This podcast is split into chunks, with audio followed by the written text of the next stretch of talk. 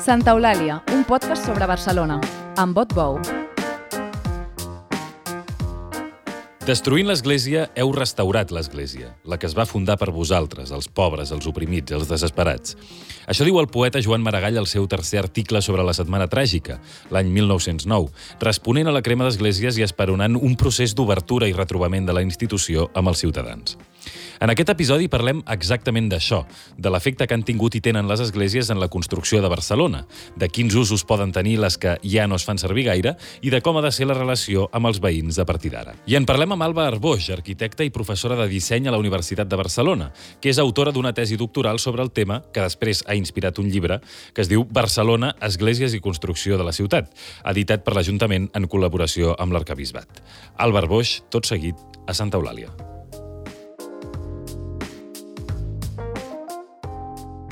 Albert Boix, benvinguda a Santa Eulàlia. Moltes gràcies. Un plaer tenir-te aquí.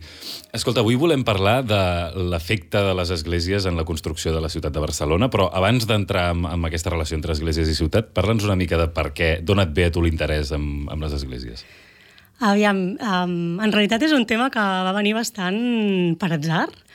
Vist en perspectiva té sentit, no? Com sempre quan mirem les coses enrere, arquitecte que s'interessa per un edifici o un tipus d'edificis singulars, però, però va ser en un moment que estàvem fent... Jo estava fent el màster, el màster en projectes arquitectònics, i l'aleshores catedràtic Xavier Montells, que era el que ens feia fer els treballs final de màster, va dir, heu d'escollir un tema amb dues premisses, Barcelona i col·lecció. Llavors, això volia dir que havies d'escollir qualsevol tema possible ubicat a Barcelona i que no es tractés de, per exemple, un edifici concret, sinó que fos un edifici que n'hi hagués que n'hi hagués múltiples del mateix tipus. Exacte. Però tu tenies de petita una, una, una certa passió per visitar-ne o t'hi portaven o... No, no, de cap manera. Va ser ben bé de... Jo vaig pensar, ostres, esglésies, clar, evident. Molt Però bé. un altre va fer mercats, un altre va fer cantonades d'Eixample, vull dir que ja aquí...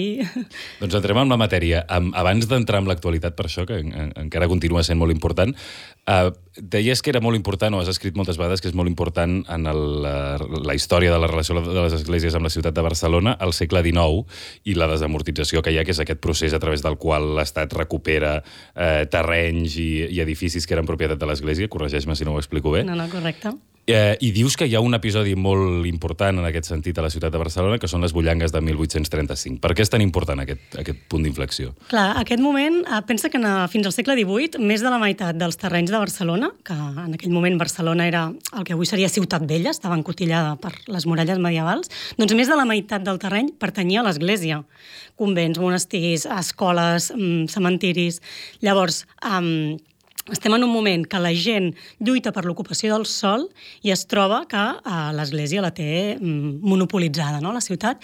Llavors també és un moment que hi ha mm, un ambient de crispació entre absolutistes, liberals, i a partir d'aquí eh, diuen les cròniques del moment, que una nit de Sant Jaume, a la plaça Torín de la Barceloneta, una plaça de braus, um, els braus surten molt mansos, la gent s'exaspera i comença un, allò, una manifestació Una entre revolta, ells, una revolta total, que surt al carrer i comença amb la crema de tots els convents que es van trobant des de la Barceloneta pujant les Rambles i penseu que bueno, en aquell moment tot aquell tros de les Rambles era la Rambla dels convents, vull dir que n'hi havia una barbaritat.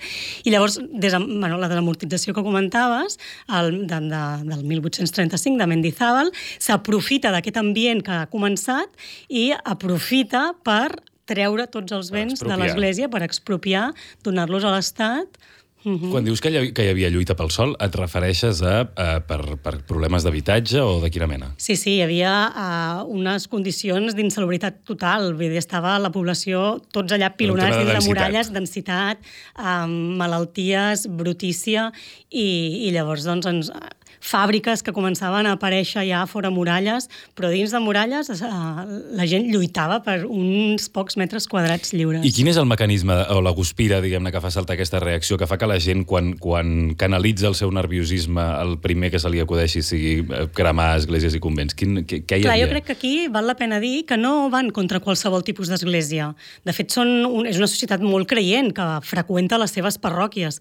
Va contra els monestirs i els convents. Que són entitats tancades amb elles mateixes, impermeables, i que justament tenen molt terreny amb els horts del convent, eh, les dependències monacals.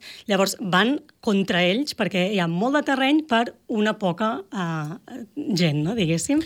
Això em fa pensar en, la, en, en un article de Joan Maragall que es diu L'Església cremada, que escrit durant la Setmana Tràgica, on, precisa, on també hi va haver-hi crema d'esglésies, sí. en què ell precisament explica, explica això, fa aquesta reflexió, no? que l'Església havia estat... Parla d'una missa on ell assisteix, en què el sostre ha caigut, les, les portes de l'Església, diguem-ne, s'han com reobert una, una vegada més, i fa una crítica com de, el, el, el procés de tancament que hi ha hagut de l'Església respecte de la ciutadania, no? Sí, sí, és, és exactament així. I hi ha hagut molts episodis. Hi ha el de la Setmana Tràgica que dius, hi ha doncs, la, després aquestes bullangues, passarà després, no sé, durant la Guerra Civil, per exemple, no? és potser l'últim gran exemple on, on, on les esglésies acaben destrossades perquè la societat i la gent s'hi revolta uh, furiosament. I, i aquest, aquest fenomen és una cosa gaire particular de Barcelona? Barcelona? Uh, passa arreu, però és veritat que Barcelona, de fet, diuen que Barcelona, juntament amb Amsterdam, són les dues ciutats més laiques d'Europa. Mm. Llavors, jo crec que en aquestes poblacions on, on hi ha aquest sentiment són el, on les esglésies han sortit més malparades amb episodis violents. Però és, és bastant generalitzat, sí. I llavors també parles en, en aquesta època, al segle, o, o potser una mica abans, eh, explica'ns-ho tu, sobre el, el que passa amb els cementiris parroquials, que molts s'acaben convertint en, en places, no? I són Clar, com un precedent del que, sí, del sí, que pot... aquest episodi és superinteressant és veritat que és una miqueta abans, eh, poc abans, 1785, si no recordo malament, amb la llei Florida Blanca, que obliga a que els cementiris parroquials vagin a fora les muralles, justament. Llavors, clar, penseu que les esglésies, totes les places que tenen davant, Santa Maria del Mar, la del Pi, eh, totes les esglésies que ens venen al cap quan pensem en les grans esglésies de Barcelona i que tenen placetes al seu voltant, no eren places, eren els cementiris. Una vegada més, uns espais que estaven reclosos, que estaven ballats tallats, estaven tancats. Llavors, quan els, els cementiris han d'anar fora muralles, llavors sí que allò es converteix en places. Llavors tot el sistema de places i placetes de Ciutat Vella neix de la mà dels, de, de les esglésies parroquials, mm. quan s'empedren els cementiris. Llavors, clar, si contem el, aquest episodi, després els diferents moments de, de, de desamortitzacions, anem obtenint una sèrie d'espais públics, d'espais buits, que havien eh, pertanyut en algun moment a l'Església. Que això, diguem-ne, eh, això diguem-ne situa les esglésies com un punt de partida de l'ordenament urbanístic de la ciutat, en certa manera, no? Sí, sí, Imprimeixen el... Sí, sí, la trama urbana d'espais buits, d'esponjaments, que es parlarà posteriorment, comença amb, amb les esglésies, o gràcies a les esglésies. Ah, I escolta, per passar a l'actualitat, i ara, i ara parlem d'aquest impacte en l'urbanisme, ah, quantes esglésies hi ha avui a Barcelona? Quants, quants eh, temples és una bona pregunta. Um, clar, de fet, la paraula església no defineix un tipus d'edifici com a tal, sinó més aviat potser la doctrina que l'envolta, no? Hi ha un, un nom que m'agradaria esmentar, ara que em preguntes això, que és Josep Maria Gavín, va morir fa un parell d'anys, és arxiver, o era arxiver, i ell s'autodenominava com col·leccionista d'esglésies. Llavors, ell és que li ha donat un sentit més ampli, perquè per ell diu que esglésies és qualsevol capella, oratori, públic, privat, un petit altar, i que a Barcelona n'hi ha hagut més de 1.700. N'hi ha arribat a haver en algun moment, però ara, ara... Llavors, clar, jo et puc donar la resposta de quantes esglésies parroquials hi ha, que són les que jo m'he centrat, que n'hi ha ara 130. Quan vaig començar la investigació, de fet, eren 133, durant el curs de la investigació van passar a ser 132 i després 131, i ara ja anem per 130, o sigui que o sigui, evidencia... encara, encara, hi ha, encara hi ha moviment, eh? No, la gent potser es moviment, pensa que és una cosa estancada, però... Però moviment decreixent, vull dir que el número va a la baixa però, però sí, hi ha moviment. I a, a, a quins usos es destinen avui aquestes esglésies? Quantes d'aquestes estan preservades a, a usos religiosos i quantes ja no? Uh, clar, de fet, de, de les que ara, avui aquest número que et deia, són totes, encara es mantenen com a esglésies, no? Les que van deixant de ser-ho uh, es poden destinar a usos molt diversos, uh, per exemple, no ho sé, a llibreries, no? Ara em ve al cap la central del Raval, allà al mm. carrer Elisabets, doncs uh, és una antiga capella, o el MACBA, per moure'ns per aquella zona ben bé davant, hi ha la capella, o fins i tot la capella de l'antic Hospital de la Santa Creu, entre carrers Carme i Hospital, eh, que hi ha exposicions. Allò era la capella de l'antic de, l'antic hospital. De fet, tot aquell edifici, Biblioteca Nacional de Catalunya, la seu de l'Escola Massana durant molts anys, tot allò no era el que avui en dia és. No? I amb les esglésies passa una mica el mateix. També t'he de dir, però parlant d'aquest episodi que anàvem dient de desamortitzacions i cremes d'esglésies, que a part de places o, o nous usos dins d'edificis, també n'hi ha altres que s'han enderrocat les dependències del voltant i s'ha mantingut només la peça de l'església. Mm no? I són també potser moments uh, més complexos però molt interessants on l'església que abans era d'un convent passa a ser la parròquia del barri, on hi havia construït les dependències monacals passen a ser una nova plaça i s'hi construeix doncs, un centre cívic al costat. I això en quin moment comença a passar? És una cosa relativament recent o és un procés històric? Jo diria que és un procés històric. Potser és veritat que recentment s'ha parlat molt més de la reutilització dels edificis, de que quan un edifici queda abandonat doncs no enderrocar-se'l i donar-li un nou ús, però veiem que ja es venia fent des del segle XIX, vull dir que no és una cosa nova en absolut. Però la dictadura hi deu, hi deu introduir algun canvi amb això o no? Mm, no especialment. Sí que és veritat que si algun canvi introdueix és justament al revés, que es reconstrueixin les esglésies malmeses i com una mica l'intent de, de continuar-les i evitar que eh, s'utilitzin per a altres activitats. Però jo crec que ha anat bastant al marge de, de la política en aquest cas. Um, I escolta, ara, ara parlaves això de que hi ha una tendència decreixent, però uh, en el, alguna vegada t'he llegit com que hi havia més esglésies construïdes, en, hi havia hagut més esglésies construïdes en els últims 70 o 75 anys que no amb totes les fases anteriors. Això això és veritat, però s'ha d'explicar el context, perquè si Val, no, doncs dit així parlem- només com a titular... Clar, la, pot- és que la dada és bastant impactant. No, no, però... la dada és així, i de fet jo me'n vaig adonar fent un quadre sinòptic de l'any de construcció de les esglésies i realment n'hi havia més en els últims 70 anys que en tots els segles anteriors junts. Però això és així perquè mm, si agafem l'edifici com a any de construcció de l'edifici com a tal, eh, resulta que, com que ja hem dit que hi ha hagut molts episodis que se les han carregat fins als fonaments i se les han hagut de reconstruir, no? Clar, l'últim d'aquests dèiem les, la Guerra Civil. Doncs a partir de no, 1936-39, a partir d'anys 40, moltes es reconstrueixen, es tornen a edificar. Llavors, com a edifici, són edificis nous, són edificis dels anys 40, 50, o després durant els anys 60, que hi ha onades migratòries, però això és un altre procés, perquè això sí que són nous barris que es construeixen amb noves esglésies que es fan de zero. Però totes les que es reconstrueixen perquè han quedat eh, esfondrades durant mm. la revolta de la Guerra Civil, passen a comptar com a esglésies dels últims anys, però en aquell lloc ja n'hi havia una. Un exemple perquè s'entengui. L'església de Sants. Mm -hmm. Aquesta església, la que veiem a dia d'avui, que per cert és de Duran i Reinals, un arquitecte que cal tenir en compte, la que, la que veiem a dia d'avui a la plaça és la quarta que s'aixeca en aquell mateix lloc, en aquell mateix solar dels anys 40, però la primera era del segle XI. Llavors, com a dada dit així, clar, aquesta església passa a comptar com una dels últims anys, perquè és veritat com a edifici, però des del segle XI que hi era. Clar, clar. Llavors la, la dada, diguem-ne, és, és, és fàcil de relativitzar. Sí, I ara aquesta església, per exemple, què li passa? Es, dest es destrueix, s'enderroca o es malmet? Sí, eh, dels diferents episodis, de, òbviament l'ermita que hi ha al segle XI eh, no és el mateix que la que hi ha abans de la Guerra Civil, però diferents processos la van malmetent i la última és aquest, Guerra Civil, queda només els fonaments i es construeix una nova que es, es demana a l'arquitecte que aprofiti justament la fonamentació, és a dir, que el que seria el perímetre doncs, eh, passa a ser exactament el mateix de l'església anterior, però amb una nova estètica, diguéssim, amb unes noves formes, eh, una, una nova façana formal, per dir-ho així. I llavors dius això que, està, que, que la construcció de noves esglésies ha estat molt lligada al fenomen migratori, eh? Mhm. L'aixecament de nous barris i...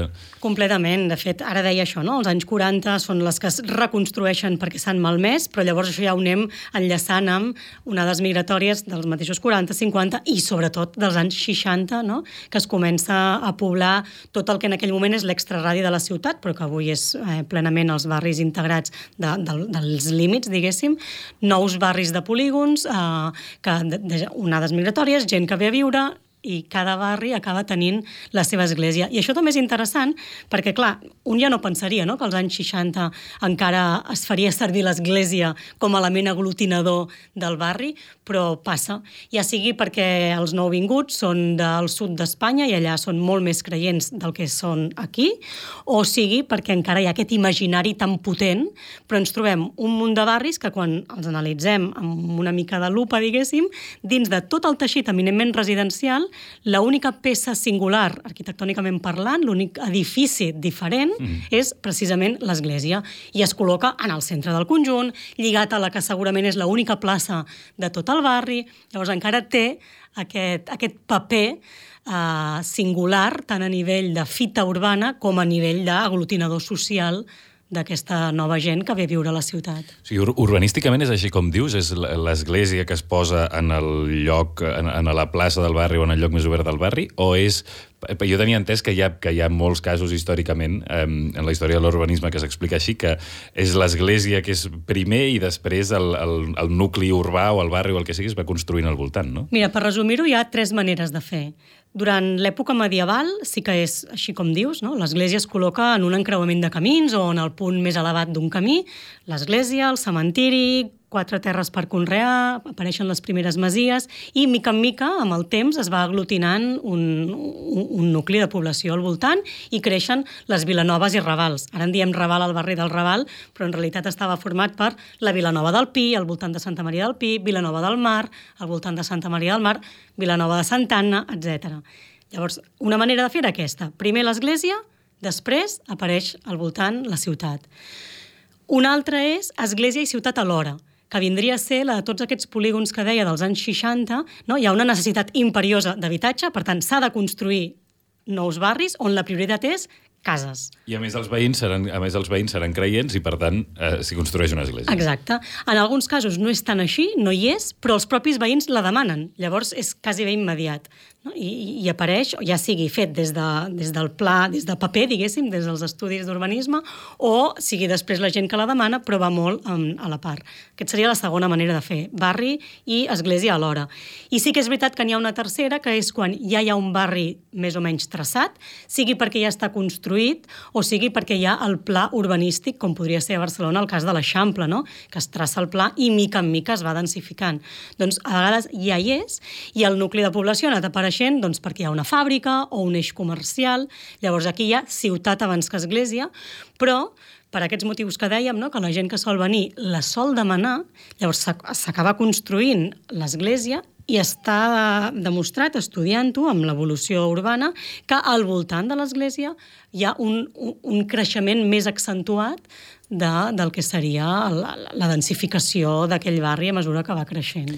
Ah, o sigui, al voltant de l'església la tendència és que, que la gent s'hi acumuli més. Sí, també és veritat que moltes vegades quan es fa una construcció d'una església va de la... Ara estava pensant, no? pensant en, en, en sants que abans anomenava. Al voltant hi ha la parròquia de Sant Madí, no? doncs es construeix l'església alhora que totes les cases, tots els, els pisos que hi ha al seu voltant, perquè hi ha una cooperativa, hi ha un... Bé, llavors, ja és no? una associació de Sant Madí que construeix església i una sèrie d'habitatges al voltant. Vull dir que no és com en el moment medieval, que es va com construint... Uh... Tot al revés. Exacte. No?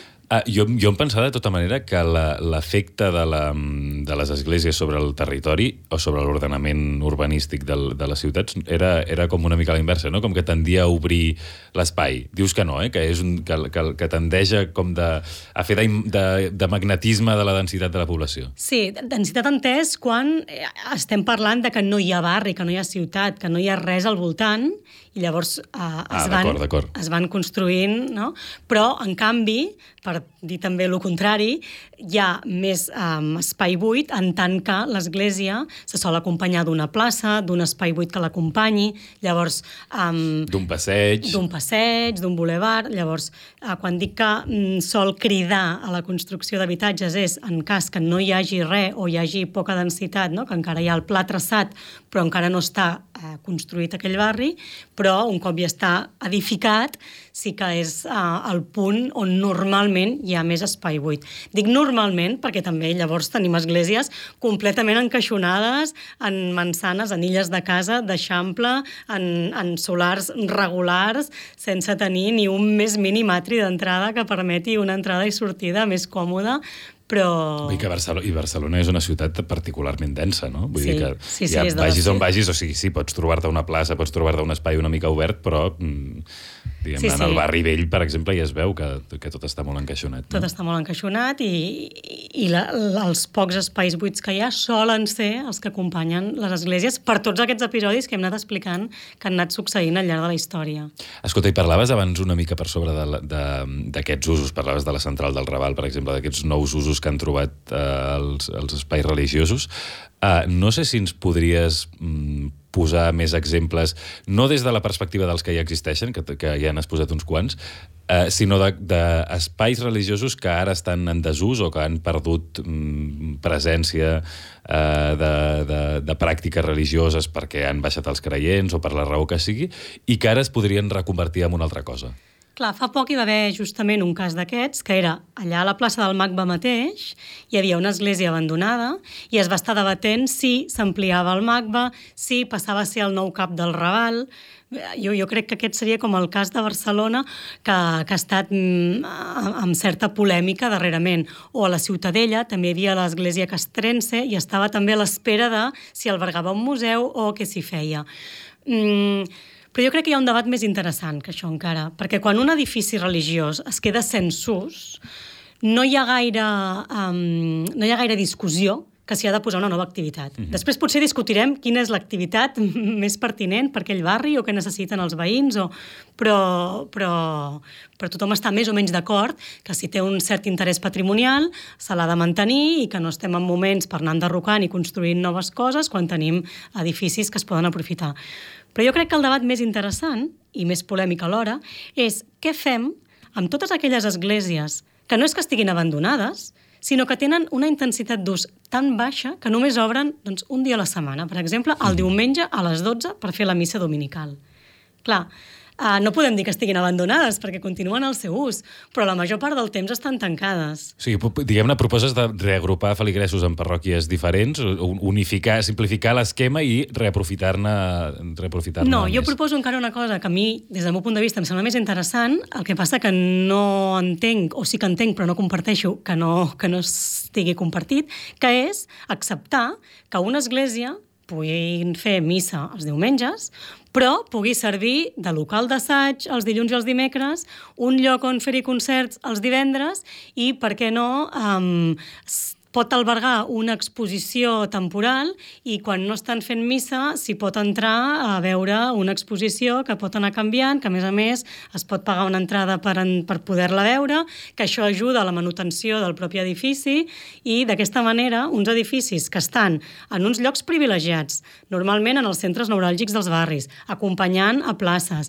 doncs puguin tenir a tenir, puguin tornar a tenir, perdó, una certa activitat i dinamisme com havien tingut doncs, anys enrere, però ara, per què no, per les noves activitats dels nous usos que, que tenim a dia d'avui a la societat actual. Passa que no crec que sigui una, una proposta ben rebuda per part de l'Església entesa com a institució, no? No sé si, Clar. hi ha, si aquest debat eh, és una cosa d'experts o s'ha traslladat a altres cercles, però... S'ha traslladat i hi ha molta divergència d'opinions, la majoria doncs, no ho veuen amb bons ulls, n'hi ha que sí, però, però clar, mm, a mi el que em va passar i el que em va fer rumiar això va ser a l'inici de la investigació, jo volia anar a veure personalment aquestes 133, en aquell moment, ara ja hem dit que eren 130, esglésies parroquials de la ciutat.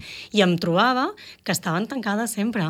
I sí que s'oferien, ai, te l'obrim un altre dia, però jo justament les volia veure en el seu ús corrent, en el, la seva activitat. Llavors, adonar-me de que hi havia tants edificis tancats que, que podien servir per moltes altres funcions i que són, són compatibles i, i, i amb una mica de bona voluntat, amb quatre elements flexibles, reversibles, pot haver-hi una alteritat de funcions i combinar eh, doncs, activitats eclesiàstiques amb altres que no ho siguin. Perquè com està repartida avui la propietat d'aquests edificis? Uh, aquests edificis pertanyen a l'Església. Tots? Sí.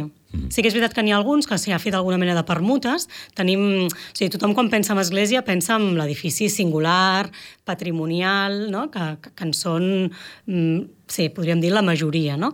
Però també n'hi ha un número molt important que acaben sent plantes baixes d'edificis que sobre hi ha habitatge. Doncs perquè en un moment donat es va fer doncs, això, una permuta i una cessió del sol per part de l'Església i es podia, a canvi de que se li construís l'Església com a tal, es deixava eh, que a sobre s'hi construïssin habitatges. Llavors això s'ha anat fent en diferents moments que, que no hi ha hagut recursos econòmics perquè l'Església s'ha de dir que la diòcesi de Barcelona doncs, és de les més pobres de l'Estat. No? Llavors... I, que, I que de vegades suposo que una, a banda de les cerimònies religioses, en molts d'aquests eh, espais mm, de vegades l'Església també fa una funció social, no?, com d'atenció a gent sí, sí. necessitada, que, que això també deu ocupar una altra part del temps, no? Sí, sí, sí, completament, i, i de l'espai, i, de la, i de les dependències que acompanyen a l'Església, i, i de fet ja hi ha alguns edificis que, ara pensàvem Sant Anna, que abans l'he anomenat, eh, és un hospital de campanya, vull dir, allà obren les portes a gent sense recursos que necessita anar-hi passar la nit, que necessita eh, alimentar-se. Llavors, hi ha alguns casos que amb, amb, amb no gaires recursos invertits es podria aprofitar una nau, una part de, del temple, ja fos això, o dividint l'espai en diferents parts o dividint el temps no? I, i, i poder, doncs, segons el moment del dia o segons el dia de la setmana, obrir-ho per uns usos o uns altres. Hi ha exemples eh, d'aquests. A Barcelona mateix, l'església de Sant Just i Pastor, Uh. -huh. a darrere de la plaça Sant Jaume. Sí. El dia de Nadal, la comunitat de Sant Egidi fa el dinar de Nadal, el sopar, sí sopar, dinar, no sí, recordo. Ara, jo sí, ara massa, però, però en qualsevol cas, un àpat de Nadal. fan un àpat de Nadal per tots aquells sense recursos que no tenen on anar un dia tan, no, tan um, emblemàtic com és el dia de Nadal. Llavors no dic que totes ara hagin de començar a ser restaurants eh, però sí que amb una mica d'imaginació i, i, i quatre elements eh, es podrien revitalitzar mm, molt aquests edificis. Ah, I això que els urbanistes d'aquesta ciutat i arquitectes que s'han dedicat a pensar a Barcelona, que, que, que últimament hi ha hagut eh, com tanta activitat intel·lectual, no? al voltant de què s'ha de convertir Barcelona en el futur, i això ha format part d'algun pla urbanístic d'algú que hagi tingut, algú que hagi tingut càrrecs, ha tingut la visió de incorporar això amb alguna mena de planejament? O, o... No que jo sàpiga. També et diré que aquest tema fins fa quatre dies no interessava massa. Jo crec que era un tema polèmic, que no se'l volia afrontar, que ha calgut um, no, que noves generacions ens el miréssim sense cap mena de ni prejudici ni, no, ni, ni tampoc... Uh, llavors, amb una mirada neutra, arquitectònica, urbanista, no, de que digués, doncs anem a veure això. No? Estem parlant d'un número prou gran d'un tipus d'edifici com per pensar a moda de col·lecció que, que s'hi pot fer. Llavors deia que és veritat que potser no s'ha pensat, però darrerament, doncs no sé, la tesi doctoral va venir l'Ajuntament i va decidir editar-la com a llibre de divulgació o, o és un tema que se m'ha anat preguntant i han anat sortint a, a diverses entrevistes. Llavors, vull pensar que potser fins ara no hi ha hagut ocasió, però que es tindrà en compte o que es pot tenir en compte uh, de cara endavant. És una capa més d'informació i és una manera de llegir la ciutat en base doncs, les seves esglésies parroquials. De fet, em fas, em fas pensar que parlem de l'església i l'espai públic amb el debat que hi ha, que ara està una mica estancat, perquè sempre eh, uns estiren la pilota a la, a la taula dels altres, però al voltant de la Sagrada Família, que ha de fer una... Eh, quan s'acabi de construir, diguem-ne, hi ha una part de la construcció és la, la façana del Portal de la Glòria i una gran escalinata, que eh, teòricament ha de trepitjar, ha de, ha de provocar l'enderrocament de, de 3.000 habitatges, sí. um, que això em sembla que afecta 10.000 10 famílies o 10.000 persones i, i 50 comerços, uh, i que hi ha un debat com molt aferrissat no? sobre si, el, si, si val la pena uh, per, per, per culminar la construcció uh, provocar aquest, aquest efecte sobre la vida Sí, sí, està clar. De fet, la Sagrada Família, als seus inicis, havia de tenir una plaça estrellada al seu voltant. Quan mirem plans antics, no? Gaudí havia previst que hi hagués eh, la Sagrada Família al centre i no una plaça, sinó quatre al, al seu voltant. Llavors, és veritat que l'especulació posterior va portar a anar construint eh, pisos en llocs on no hi podien estar i ara el debat és un altre, no? de si val la pena o no, um, però en qualsevol cas està clar que és un, és és un tema actual, polèmic, d'espai públic, eh, església, que transcendeix ja el, el que parlàvem ara, eh, perquè és un, és un exemple singular, que a més a més és per parlar de diferents tipus, perquè no sé si ho hem dit, jo he anat parlant de diferents tipus d'esglésies, però clar, jo quan deia que jo m'havia centrat en les esglésies parroquials, perquè ens entenguem, les esglésies parroquials són les que tenen un ús més social, que són Sí, més sí, permeables, que hi pots fer, doncs, que et bategen, que fas la comunió, no? que els casaments, però, però n'hi ha molts altres tipus, quan deia les monacals, les conventuals, la Sagrada Família, que ara ja és basílica, però va néixer com a temple expiatori, només podia anar-se construint amb les donacions que feia la gent, per això s'havia anat dilatant tant amb el temps, passa que ara hi ha no? un, una fita turística d'aquest nivell, les donacions sobrepassen amb escreix el que podria tenir qualsevol altre edifici de la ciutat. Escolta, i ara per acabar, eh, continua d'alguna manera la teva recerca? Dius, ara, ara sembla que comença a generar interès o que comença a haver-hi una certa conversa al voltant? Sí, perquè um, es va presentar, la tesi doctoral jo la vaig presentar el 2016, el llibre es va publicar el 2018, llavors va quedar com una mica estancat, o potser també era jo, per temes personals i, i, i de feina, no? que anava fent altres qüestions, i darrerament ha tornat a ressorgir. L'últim projecte dels quals, uh, ara mateix entre mans, un projecte internacional d'un monogràfic dedicat precisament a aquest vincle, aquest binomi església-espai públic d'una revista internacional um, a l'impacte bibliomètric que, que, que m'ha demanat fer això, aquest número, que es diu Religion, um, Public Space and Society, i que serà multireligiós, perquè és de tota, de qualsevol religió, de qualsevol tipus d'exemple on hi hagi aquesta, uh, aquest vincle entre, entre l'edifici com l'església i la plaça o el carrer o el boulevard com a espai públic. Molt bé, doncs ho, ho llegirem quan es publiqui finalment i a veure si, si és un debat que, que creix o no creix. Esperem que sí, com a mínim que sigui interessant. Albert Boix, moltes gràcies per haver vingut a Santa Eulàlia. A tu, un plaer. Recordeu que ens podeu enviar els vostres comentaris o suggeriments a l'adreça de correu electrònic santaeulàlia.vilaweb.cat. Gràcies. Santa Eulàlia és un podcast de VilaWeb presentat per Otbou amb Carles Garcia al servei tècnic i a les veus Maria Castanyer.